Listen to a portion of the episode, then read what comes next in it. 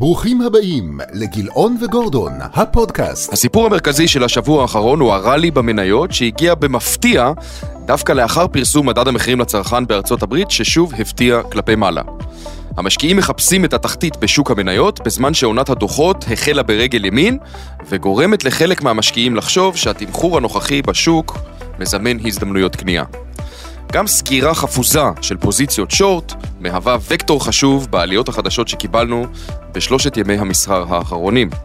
בינתיים, הנתונים הכלכליים והמדיניים ממשיכים לייצר סביבה תנודתית עם לא מעט סיכונים. שוקי הנדל"ן במדינות רבות נמצאים במגמת ירידה, ובסין הפסיקו לפרסם את נתוני הצמיחה. בבריטניה, כמו שחזינו בפרק הקודם, הממשלה מצמצה ראשונה והתוכנית להרחבה פיסקלית בוטלה. לסיום, נדון בתשואות הגלומות בשוק אגרות החוב ובאטרקטיביות של שוק המניות. על כל אלו ועוד, על ההשלכות על תיקי ההשקעות שלנו בפרק המרתק שהכנו לכם היום. דרור, מה העניינים? חוזרים לשגרה, נגמרו החגים.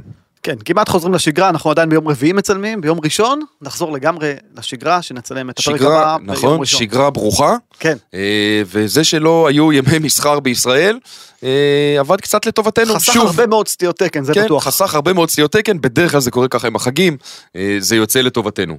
בואו נתחיל, ביום חמישי אה, האחרון פורסם מדד מחירים בארצות הברית שהיה נורא. כן, אה, הפתעות כלפי מעלה במדד הרשמי וגם במדד הליבה. השוק התחיל כצפוי בירידה של שלושה אחוזים, אבל הוא סיים את המסחר בעלייה של שלושה אחוזים. זאת אומרת שישה אחוז בתוך מסחר יומי. כן. מה הוביל לדרמה הגדולה? האם המשקיעים עוד פעם רצו לקנות בשפל, או ששוב, bad good, bad news is good news. כן, אז קודם כל אני חושב שזה אחד מאותם ימי מסחר שנזכור אה, שנים רבות קדימה. שנינו ישבנו בחדר וראינו את המדד הנוראי הזה, ובאמת התגובה הטבעית הייתה, וואי וואי וואי, איזה נפילות אה, צפויות לנו היום, ובאמת, אגב, השוק בישראל נסגר מוקדם באותו יום, כן, בגלל חול המועד. והספיק, זאת אומרת, הוא היה גבוה, הספיק לרדת קצת, סיים חיובי, כן.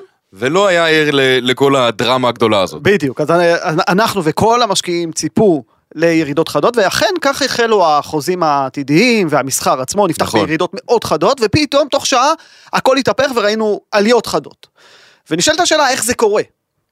ואני חושב שיש פה שני דברים, כי ברור שזה לא עניין כלכלי, הרי התגובה הנכונה של המשקיעים למדד המחירים שהפתיע כלפי מעלה, ובואו בואו נחדד את הנקודה, מה המשמעות של מדד מחירים בארצות הברית שמפתיע כלפי מעלה בזמן שהבנק הפדרלי גם ככה חמה להעלות את הריבית ולהרגיע את האינפלציה, המשמעות היא עוד העלות ריבית, אולי יותר ממה שגולמו בשוק עד כה. המשמעות היא שיכול להיות שמה שהבנק המרכזי עושה, העלאות הריבית לא מספיקות, אה, ויכול להיות שבאמת נראה אותן עולות בחדות יותר ולרמה גבוהה יותר ממה שהשוק שזה מצפה.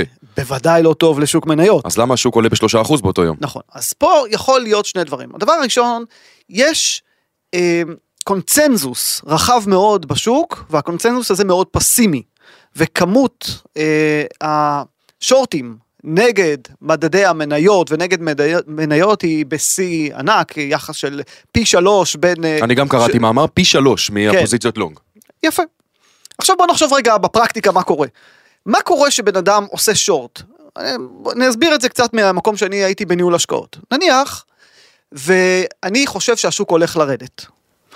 אז אני, אין לי, ונניח ואין לי אפילו מניה אחת בתיק ואני רוצה לעשות כסף. זאת אומרת, אני מעריך שהשוק הולך לרדת, אין לי מניות ואני כן, רוצה להרוויח כן, כסף. אוקיי. ונניח שנדב אתה מנהל היום קרן פנסיה גדולה שמשקיעה לטווח ארוך ואתה בכל מקרה חייב להחזיק את המניות. הרי אתה לא תמכור את כל המניות שלך. מהמם. אז אני בא אליך ואני אומר לך נדב תקשיב. לך יש אה, תיק מניות. מה שנעשה זה עסקה כזאת. אתה תשאיל לי את המניות, אני אשלם לך עמלה.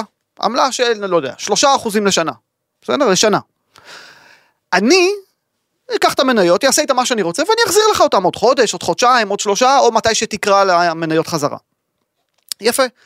אתה אומר לי, אין בעיה, אני אשמח לקבל את העמלה שלך, אבל חשוב לי שתשמור בטוחות. כי מה יקרה, איך תחזיר לי, אם לא תחזיר לי את המניות, מי יגן עליי? יפה. אז אנחנו סוגרים על בטוחות מסוימות, הבנק דואג לכל החבילה הזאת. עכשיו, מה אני רוצה לעשות? אני רוצה לקחת מניה שאין לי, או נגיד סל מניות שאין לי, ואז למכור אותו בשוק. השאלתי ממך, יש לי אותו עכשיו, כי אני אתה מוכר חושב אותו. שהמחיר שלו כרגע הוא גבוה, נכון, אני אמכור אותו, וכשהמחיר באמת ירד, אני אקנה אותו חזרה. ויחזיר לי. ואני אחזיר לך. עכשיו, בזמן שאני משאיל ממך את המניות ומוכר, אני מייצר לחץ של מכירות, וגורם לשוק בעצם לרדת. עכשיו, מכיוון שכמעט כולם פסימיים, הרבה מאוד אנשים עשו את זה. וכנראה שהשפל הגדול שהיה ב-S&P 500 בז... לאחר פרסום המדד, גרם לחלק מהאנשים להתחיל לסגור את הפוזיציה, להגיד יופי, עשיתי מלא כסף, אני אסגור את הפוזיציה. איך סוגרים את הפוזיציה? קונים בחזרה את המניות כדי שנוכל להחזיר אותם. יפה. אז ברגע שאני קניתי את המניות ועוד כמה כמוני קנו את המניות כי הם כבר מורווחים, באו בנקים לכל מיני אחרים שעשו שורטים לייטלי, לאחרונה, ועדיין לא סגרו, ואמרו לה, חבר'ה, השוק התחיל לעלות, תוסיפו ביטחונות, או שתסגרו את הפוזיציה. הם היו חייבים לסגור את הפוזיציה. ואז הרבה מאוד אנשים בבת אחת סגרו את הפוזיציה, זה אמרו, קנו מניות, והם, כן. זה כשלעצמו יצר כדור שלג כזה, שהוביל לעלייה מאוד מאוד חדה בשוק המניות, וזה סממן של שוק לא כל כך בריא, עם נזילות יחסית נמוכה. תודה רבה על ההסבר על שורט, אני חושב שזה באמת אה, אה, הסבר ממצה וטוב, אבל איך זה מסתדר עם הירידות שראינו יום אחרי זה? זאת אומרת, שוב מינוס שלושה אחוז, ועליות חדות, לפחות בימי המסחר עד כה, גם, גם, איך אתה מסביר את זה שזה ירד יום אחרי זה בשלושה אחוז, ואחרי זה עוד פעם חזר לעלות? כן, אז קודם כל הנתונים עצמם הם אה, נתונים לא כל כך טובים, אה, הם- כלומר, הנתונים האמיתיים היו אמורים להוביל לירידות, אז ברגע שהיה קצת זאת רגיעה, אומרת, ההסבר למסחר התוך יומי התנודתי מאוד הזה, היה פוזיציות השעות, אוקיי, זו טענה שאני מקבל שהייתה אחראית לחלק מזה, נכון, ויום אחרי זה מה קרה? ויום אחרי זה מה קרה, אז באמת חזרנו לאיזושהי מציאות, ברגע שהשוק התחיל לרדת, אז הלחץ מלסגור את הפוזיציות נרגע, ואז השוק אה, חזר לרדת. אבל, יום אחרי זה עוד פעם עליות. אז השוק... וגם יום אחריו. נכון. אומרת, כן. אז מסחר מאוד מאוד תנודתי.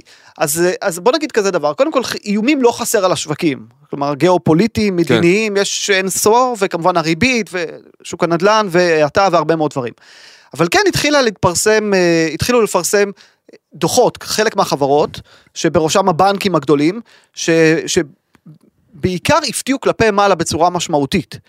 ואז נשאלת השאלה, מבחינת חלק מהמשקיעים כנראה, האם הפחד שכל כך אה, מצוי בתמחור המניות, האם הפחד הזה הוא מוגזם או לא מוגזם?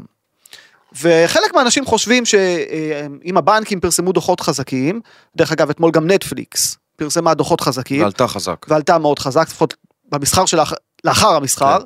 וכנראה תעלה היום חזק.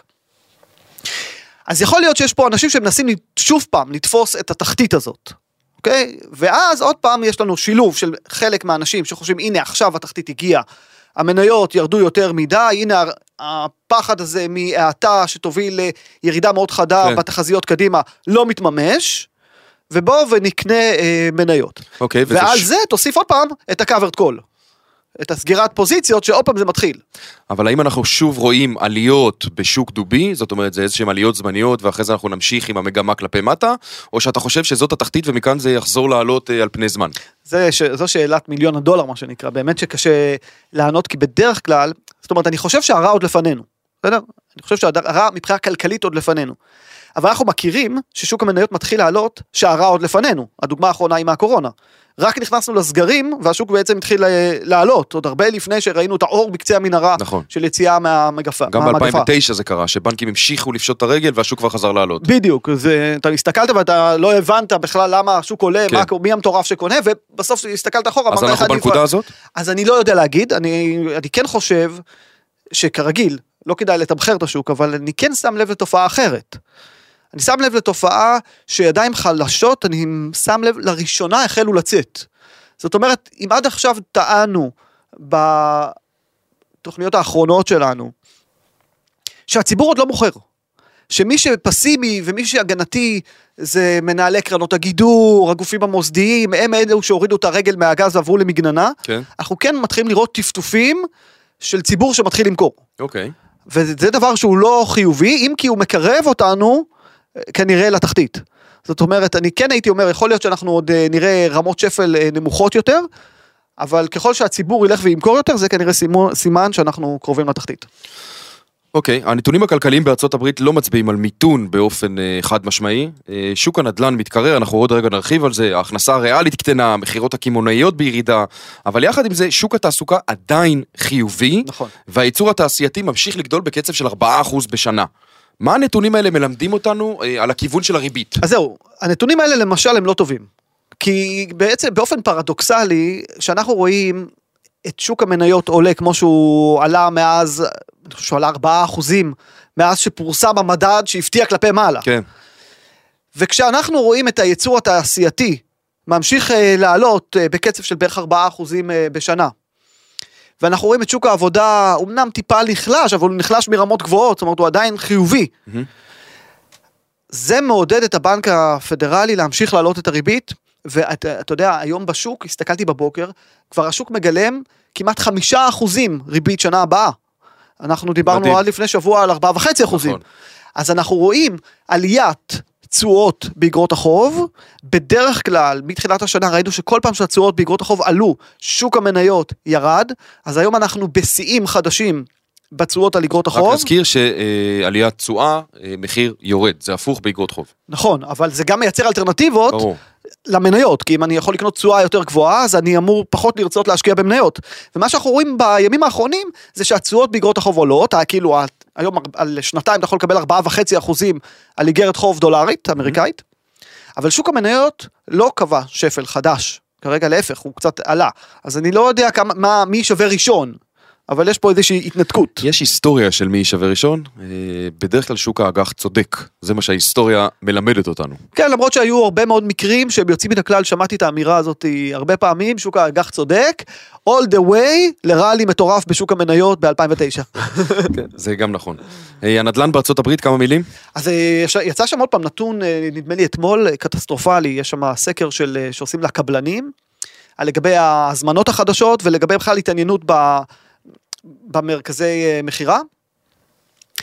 נתון נוראי, נוראי, עש- עשרה חודשים ברצף של ירידות, אנחנו כרגע נמצאים ברמה הכי נמוכה שראינו מאז המשבר נדל"ן של 2008, וזה סימן למשל מקדים למיתון, כי תחשוב, למש... כמה עובדים בדיוק, אני רציתי להגיד את זה, אני חושב שעם התעסוקה שעכשיו בתפוסה מלאה כן. וכולם עובדים, אני חושב שהמקום שבו אנחנו נראה את העובדים שכבר לא כל כך עובדים, כן, זה יהיה בדיוק במקום הזה של הנדל"ן, ומשם יתחילו שיעורי התעסוקה לרדת, כי פשוט אה, פחות התחלות בנייה, פחות אנשים שיעבדו אה, ויצטרפו למעגל האבטלה. כן, אני חושב שבכלל כשיש פחות עסקאות בשוק הנדל"ן, יש לזה גם השלכות היקפיות. כלומר, אם אני עובר לדירה חדשה, אני רוצה גם לרהט את הבית מחדש, ו- ואני עושה עוד דברים נלווים שמייצרים אתה הרבה משפיע תעסוקה. על המחזור הכלכלי. נכון. וכשאני, כשאנשים תקועים במקומות שלהם, אז יש פחות פעילות גם מסביב. וזה השוק הראשון לפי דעתי שיוריד אה, את אה, נתוני האבטלה, ואנשים יחזרו למעגל האבטלה. כן. אוקיי, אה, אני רוצה שנחזור לבריטניה. בשבוע שעבר דיברנו על זה שהבנק המרכזי לא צפוי להתקפל. אה, אתה אמרת באמת שהממשלה תתקפל, אני לא הייתי ממש בטוח בזה. אה, נראה שצדקת בינתיים, אה, ושהבנק יפסיק את ההדפסות של הכסף, שנועדו כמובן לכבות את השריפה שייצרה ראש הממשלה החדשה, אה, ליז טראס, בבריטניה, כן. ושהיא למעשה, אה, הטלטלה הזאת איימה לרסק את קרנות הפנסיה אה, הבריטיות. בפועל הבנק עמד במילה שלו, ומי שמצמצה ראשונה הייתה ליז טראס. ראינו את שוקי ההון אה, מגיבים בחיוב להתקפלות הזאת של הממשלה, כמו גם את הפאונד. כן. אתה יודע, האם חושב- חלפו? זהו. אני פתאום חושב על זה, ששבוע שעבר כשדיברנו, הרי ציינו שהבנק המרכזי פנה לקרנות הפנסיה ואמר להם, חבר'ה, יש לכם שלושה יומיים, ימים. כן. יומיים, שלושה ימים, תלוי. אמר להם שלושה ימים, פשוט אנחנו דיברנו על זה אחרי יום. אז הוא אמר, שלושה ימים, תסתדרו. ופתאום כשאני חושב על זה, הוא בכלל לא פנה לקרנות הפנסיה. הוא פנה לממשלת בריטניה. ואמר להם, שלוחה, יש לכם שלושה, כי קרנות הפנסיה, כמו שאתה אמרת, לא היו ערוכות לזה בכלל. לא, לא היה להם מה לעשות. לא היה להם מה לעשות, רצו, היו צריכות יותר זמן. אבל ממשלת בריטניה כן יכלה לקפל, ואז פיטרו את אה, שר האוצר, והתקפלו לגמרי וגם בתוכנית. המעמד עכשיו של ראש הממשלה אה, מעורער מאוד בעקבות כל ההתהפכות הזאת. נכון. אה, בהחלט מאוד מעניין. בהחלט מאוד מעניין, ואם זה לא הספיק, אז היום פורסם מדד המחירים לצרכן בבר... באנגליה, שעלה בעשרה אחוזים ועשירית, ושוב הפתיע כלפי מעלה. אז אה, כן, התשואות בבריטניה קצת נרגעו אחרי המהלך הזה, שקצת החזיר את אמון המשקיעים, אבל כמובן שעדיין לא הגענו לחוף מבטחים, ויש שם צרה מאוד גדולה בכל מה שקשור גם למשכנתאות ושוק הנדל"ן. אוקיי, אפרופו המדד אה, הדרמטי בארצות הברית שדיברנו עליו, ובבריטניה, גם פה בישראל המנומנמת מלאת החגים התפרסם אה, מדד שהפתיע כלפי מעלה, עלה בשתי עשיריות לעומת צפי של עשירית האחוז. אה, מחירי, בנטרול מחירי הדיור הוא עלה ב-4.2 ב-12 חודשים האחרונים. מחירי הדיור אגב שלא מהווים חלק מהמדד עלו ב-19% בשנה האחרונה. אתה חושב שהאינפלציה בישראל היא גם דביקה? ועוד שאלה, האם הנגיד שדיבר והיה עם הרבה ביטחון שאנחנו רואים את הסוף ומגיעים לסוף, כן. והריבית אה, אה, מרסנת, מה, אתה חושב שאנחנו טעינו בהערכה, שהוא טעה קצת ב- בהרגעת הרוחות. כן, אז אני חושב ש- שהבעיה המרכזית בישראל היא לא רק אה, שוק הנדל"ן, גם שוק הנדל"ן, אבל גם אנחנו רואים אינפלציה בסעיף השירותים שעולה, ו- וגם יש עכשיו גל של העלאות מחירים שכולם מדברים עליו בתקשורת. אז אנחנו רואים את האינפלציה ממשיכה לבעבע, והפיחות לא מוסיף לזה. וחוץ מזה, על כל העניין הזה, יש את uh, שכר הדירה שממשיך לעלות, ומחירי הנדל"ן שממשיכים לעלות, אם כי נראה שזה עלייה על עדים, כלומר, הכותרת היא עלייה של 19 אחוזים, אבל יש ירידה. של כמעט 40 אחוז בכמות העסקאות בחודש אוגוסט, לעומת אוגוסט שנה שעברה. זה ירידה דרמטית במכירות אה, של בתים חדשים. אתה חושב שהשכירויות שהתחדשו בחודשים האחרונים כבר מגולמות כולן במדד, או שאנחנו צופים, אה, צפויים לראות עוד איזושהי עלייה במדד בגלל שכירויות או שמתחדשות או חדשות. חדשות אגב עולות בהרבה יותר ממה שמתחדש. כן, זה נכון. מתחדש עולה ב-3-4 אחוז, אה, וכאלה חדשות ב-8-10 אחוז. כן, זה, זה נכון מאוד, ו, ולכן אני חושב שיש לנו בצנרת עוד אינפלציה מהתחום הזה, ו, ואין מה לעשות, ככל שאנשים עוברים לגדר בכל מה שקשור לרכישת דירות, מה שאנחנו רואים, ואנחנו כנראה נראה עוד, לאור המצב של ירידה בהון, כולם הפסידו בבורסה, ומשכנתאות יקרות. ומשכנתאות יקרות, אז זה בעצם, ושוק תעסוקה קצת פחות טוב, פחות בונוסים יהיו השנה כנראה. כנראה. בהרבה תחומים. כן, אז, אז הדבר הזה בסופו של דבר יגיע ל, ל, לכדי מצב שאנשים יישארו עוד קצת בדירות השכורות שלהם, או אנשים חדשים, צעירים, ייכנסו לדירה שכורה, אבל לא ירכשו דירה. אז זה כשלעצמו לא כל כך בריא למדדי המחירים לצרכן, שבערך 25% מהם זה מחירי השכירויות. שכירויות, בדיוק. אז אנחנו עדיין צפויים לראות מדדים גבוהים. אני חושב שהאינפלציה בישראל צפויה עוד ללכת ולעלות בחודשים הקרובים לכיוון החמישה אחוזים ואולי צפונה. אוקיי. כן, וגם, אה, אני חושב שגם כבר מדד אה, אוקטובר יהיה מדד גבוה יחסית. ולמעשה אנחנו צפויים לראות איזשהו אור בקצה המנהרה, אם אני מסתכל על המדדים של שנה שעברה, שהיו המדדים הגבוהים, מהמם. אז קיבלנו מדדים גבוהים החל מחודש פברואר. אז החל מחודש פברואר, למשל חודש פברואר שנה שעברה, המדד עלה בשבע עשיריות האחוז, זה הרבה. המון. אז אם, כשהוא יצא, וייכנס אולי מדד נמוך, אז יש סיכוי שאנחנו נראה את האינפלציה מתחילה אה, לרדת. אבל כרגע אנחנו לקראת יציאה של מדדים יחסית נמוכים, וכניסה של מדדים יחסית גבוהים, ובנק ישראל הוא בבעיה. כי אני חושב ש... אה, אז אותה ריבית של שלושה וחצי אחוזים שהייתה נראית כריבית סופית שעליה יישארו, אתה חושב שזה יעלה מעבר לזה? אני, אני שם על זה סימן שאלה גדול, נכון לעכשיו, אני חושב שהשוק עוד לא. זאת אומרת, בשוק עדיין גלומה אה, ריבית של שלושה וחצי אחוזים שממש התייצבה אה, לאורך העקום, חצי שנה, שנה קדימה ו- וצפונה, כלומר השוק די מאמין לבנק ישראל כרגע, כן. וראינו עליית תשואות בארצות הברית, אבל לא ראינו עליית תשואות בישראל. ואני חושב שהשוק בישראל צריך להגיב לזה. אני רוצה עוד כמה מילים על אה, שוק הנדל"ן. כן. אה, אז אנחנו רואים שיש פחות עסקאות, אנחנו רואים שמחירי המשכנתאות עלו. מתי לפי דעתך אה, אנחנו נראה, הרי אין ברירה, אנחנו נראה את כן. המחירים בטח לא עולים ואולי אפילו יורדים. יש לזה הרבה מאמרים עכשיו גם. נכון. אז מת- מתי לפי דעתך אנחנו צפויים לראות את הדבר הזה? זאת אומרת, אין עסקאות, מתי אותו מוכר יוריד את המחיר?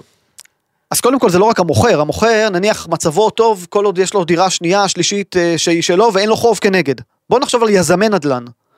שהיום מעמידים פרויקטים חדשים למכירה וקיבלו ירידה של 38 אחוזים או 47 אחוז פחות אני רואה פה 47 אחוז באוגוסט לעומת אוגוסט שנה שעברה ירידה במכירת דירות חדשות. זאת אומרת, אם הנתון הזה נכון ואני יודע שלפני זה היה ירידה של 38 אחוזים ביולי זה ירידה מטורפת עכשיו יש מימון כנגד הדבר הזה. ברור, צריך להחזיר אותו. ואם לא יורידו מחירים, זה מצב הרבה יותר גרוע שאין עסקאות מאשר שיש עסקאות במחירים קצת פחות רווחיים. ואני חושב שפה יכולה להיות אם אתה. יזם היום, אתה לא מוכר, אתה ממשיך לשלם את הריביות היקרות, אתה... מה אתה עושה בתור יזם? אז תלוי מה מצבי וכמה אני ממונף, אבל ככל שהבנק יושב עליי בצוואר יותר חזק, אני אתה תהיה חייב נשבר, אז הקטנים ייחלשו, זאת אומרת, הקט- הקטנים יישברו, והגדולים אולי יחזיקו מעמד, עד שייקבע מחיר שוק חדש. ואז כולם יצטרכו להתאים את עצמם. אני אגיד לך אבל מה כן, אם אני היום אה, משקיע פרטי, ומסתכל על ההפסדים שלי בבורסה ואומר וואי וואי וואי איזה הפסדים, כואב לי, אני רוצה להיפטר מזה, ומצד שני מחזיק דירה להשקעה, או יותר, אני חושב שאני לא מסתכל במקום הנכון. אני הייתי מוכר את הדירה להשקעה ועובר לשוק ההון עם תשואות כאלה באגרות חוב שלא צריך uh, לטפל בהם, לא אבל אם צריך לחדש תמכור חוזה. עכשיו את הדירה להשקעה, באיזה מחיר תמכור אותה? במ- ככל שאני יכול למכור את זה במחיר שפורסם במדד המחיר- מדד המחירים לצרכן האחרון, באווירה של השיא, הייתי עושה את זה. אני עוד לא רואה את הציבור בישראל מבין שדברים השתנו, להפך, אנשים בדרך כלל נוטים להסתכל על מה ירד, להגיד אוקיי, הוא תפקד לא טוב, בוא נחליף אותו, את זה שתפקד לא טוב, והנה הנדלן תפקד נהדר, בואו נשאר בנדלן, זה בדיוק הפוך ממה שצריך לעשות היום. הייתה לנו אגב פגישה השבוע מאוד מעניינת, שאתה דיברת על הנבחרת שמרכיבה את uh, תיק ההשקעות, מאוד התחברתי לאנלוגיה הזאת. זאת אומרת, יש שחקנים uh, בכל uh, אגף, כן. uh, וצריך את הנבחרת כולה. יש נכון. כאלה שיותר קשה להם, שיותר קל להם, שמחזיקים את, ה, את התיקים uh, בהמשך לאנלוגיה, אבל באמת יש נבחרת שלמה, ולא צריך את השחקן שלא מצליח השנה, השחקן המנייתי לצורך העניין, להוציא אותו מהרכב. כן, אבל לא אתה זה יודע, יעזור. כן, אבל כשחיפה הובילה 2-0 על יובנטוס, היא הוציאה חלוץ והכניסה שחקן הגנה. אז אם אני אעשה רגע את האנלוגיה הזו, זה התחום שלך. אז אם נעשה רגע את האנלוגיה הזו, אז אם הנדלן עוד לא ירד, קרי מוביל, וכל שאר השחקנים כרגע בפיגור, אני חושב שזה יהיה נכון לעשות את השינוי, זאת אומרת להוציא את זה שעוד לא ירד, ולהכניס מישהו לאזור שכרגע אה, יש שם הרבה יותר הזדמנויות, כמובן משוק נדל"ן אוקיי, שנמצא בנושא בשיא. הזה בוא, בוא נסתכל רגע על התשואות הגלומות בשוק אגרות החוב. כן. מה צריך לקרות כדי שהמשקיעים יראו הפסדים מכאן בהסתכלות של שנה קדימה? אז אוקיי, בוא נדבר אני, רגע. אני, אני חוזר לשאלה, שיראו הפסדים כן, כן, מכאן כן. הסתכלות קדימה. שאלה אה, נכונה, כי, כי אני חושב שאנשים הרבה יותר אה, מתמודדים בקלות עם אה, רווח פחות ממה, להרוויח פחות ממה שהם ציפו, לעומת לראות את הכסף יורד. כאב גדול. עכשיו קר, קרה משהו מעניין בשבוע האחרון, אתה יודע כל שבוע אנחנו מראים ומדברים על התשואות באפיק הממשלתי בארצות הברית ובישראל. אז דיברתי על זה קודם, אני ממש מסתכל על זה עכשיו, התשואות בארצות הברית היום לשנה הם 4.5 אחוזים, לשנתיים 4.5 אחוזים, ולעשר שנים 4 אחוזים ועשירית. בישראל התשואות יותר נמוכות, בישראל התשואות לשנתיים הם 3 אחוזים ושתי עשיריות האחוז. זאת אומרת, קודם כל, אם אני מסתכל רגע על מפת המקרו העולמית, ומשקיע שיש לו את כל האפשרויות, להשקיע היום באגרות חוב זה אלטרנטיבה מאוד מאוד אה, טובה ביחס להשקעה במניות, לכן שוק המניות יהיה לו קשה לה- להמשיך בראלי הזה שאנחנו התחלנו לראות בימים האחרונים לדעתי. עכשיו, כדי שבאמת נראה הפסד באגרות החוב, הרי יש לנו הגנה. באגרות חוב האמריקאיות ההגנה היא, אם אני מסתכל על איגרת חוב נגיד לשנתיים עד חמש, ההגנה היא בערך 4.5% לשנה של הפסדי הון, כי יש לנו תשואה שוטפת, לא היה לנו את זה בתחילת שנה. בישראל ההגנה היא קצת יותר נמוכה. אז בוא נסכם שכרגע לדעתי האגרות חוב האמריקאיות יותר מעניינות מהאגרות חוב הישראליות. אבל צריך לזכור שמי שרוכש אותם, רוכש אותם בדולר ויש לו סיכון מטבע שמעורב באירוע הזה. נכון, אבל אני חושב שאם אתה קונה את זה דרך ה... הגופים המוסדיים, קופות גמל להשקעה, פוליסות חיסכון, קרנות השתלמות, אז גם פה יש אנשים שרוצים לפדות את הכסף שלהם, ואנחנו מציעים להם תמיד, רגע, במצב הנוכחי אל תפדו את הכסף, תעברו, אם אתם מפחדים מהמניות, תעברו למסלולי אג"ח. כי שם הגופים המוסדיים מגדרים את, הח... את החשיפה, אז לא לעשות את זה. לבד, אלא לעשות את זה דרך אה, גופים גדולים, זה מה שאתה אומר. זה מה שאני אומר לרוב, מתאים בעיקר למרבית האנשים. ואז אה, כדי שהתשואות יעלו כמו שהם עלו, אנחנו צריכים אינפלציה שתפתיע בצורה משמעותית כלפי מעלה, ו, ושהריבית הגלומה לשנה הבאה לא תהיה 4% ו-9 עשיריות כמו שהם עכשיו, אלא יותר לאזור ה-6%.